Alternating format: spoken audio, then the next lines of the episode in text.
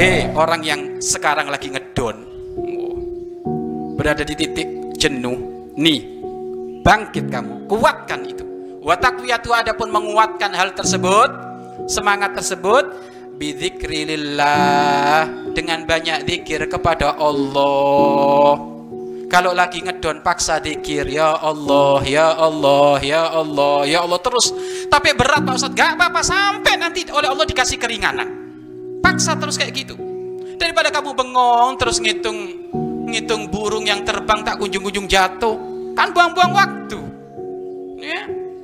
Ngitung dedaunan kapan rontoknya. Lu ngapain ngitung dedaunan kapan rontok?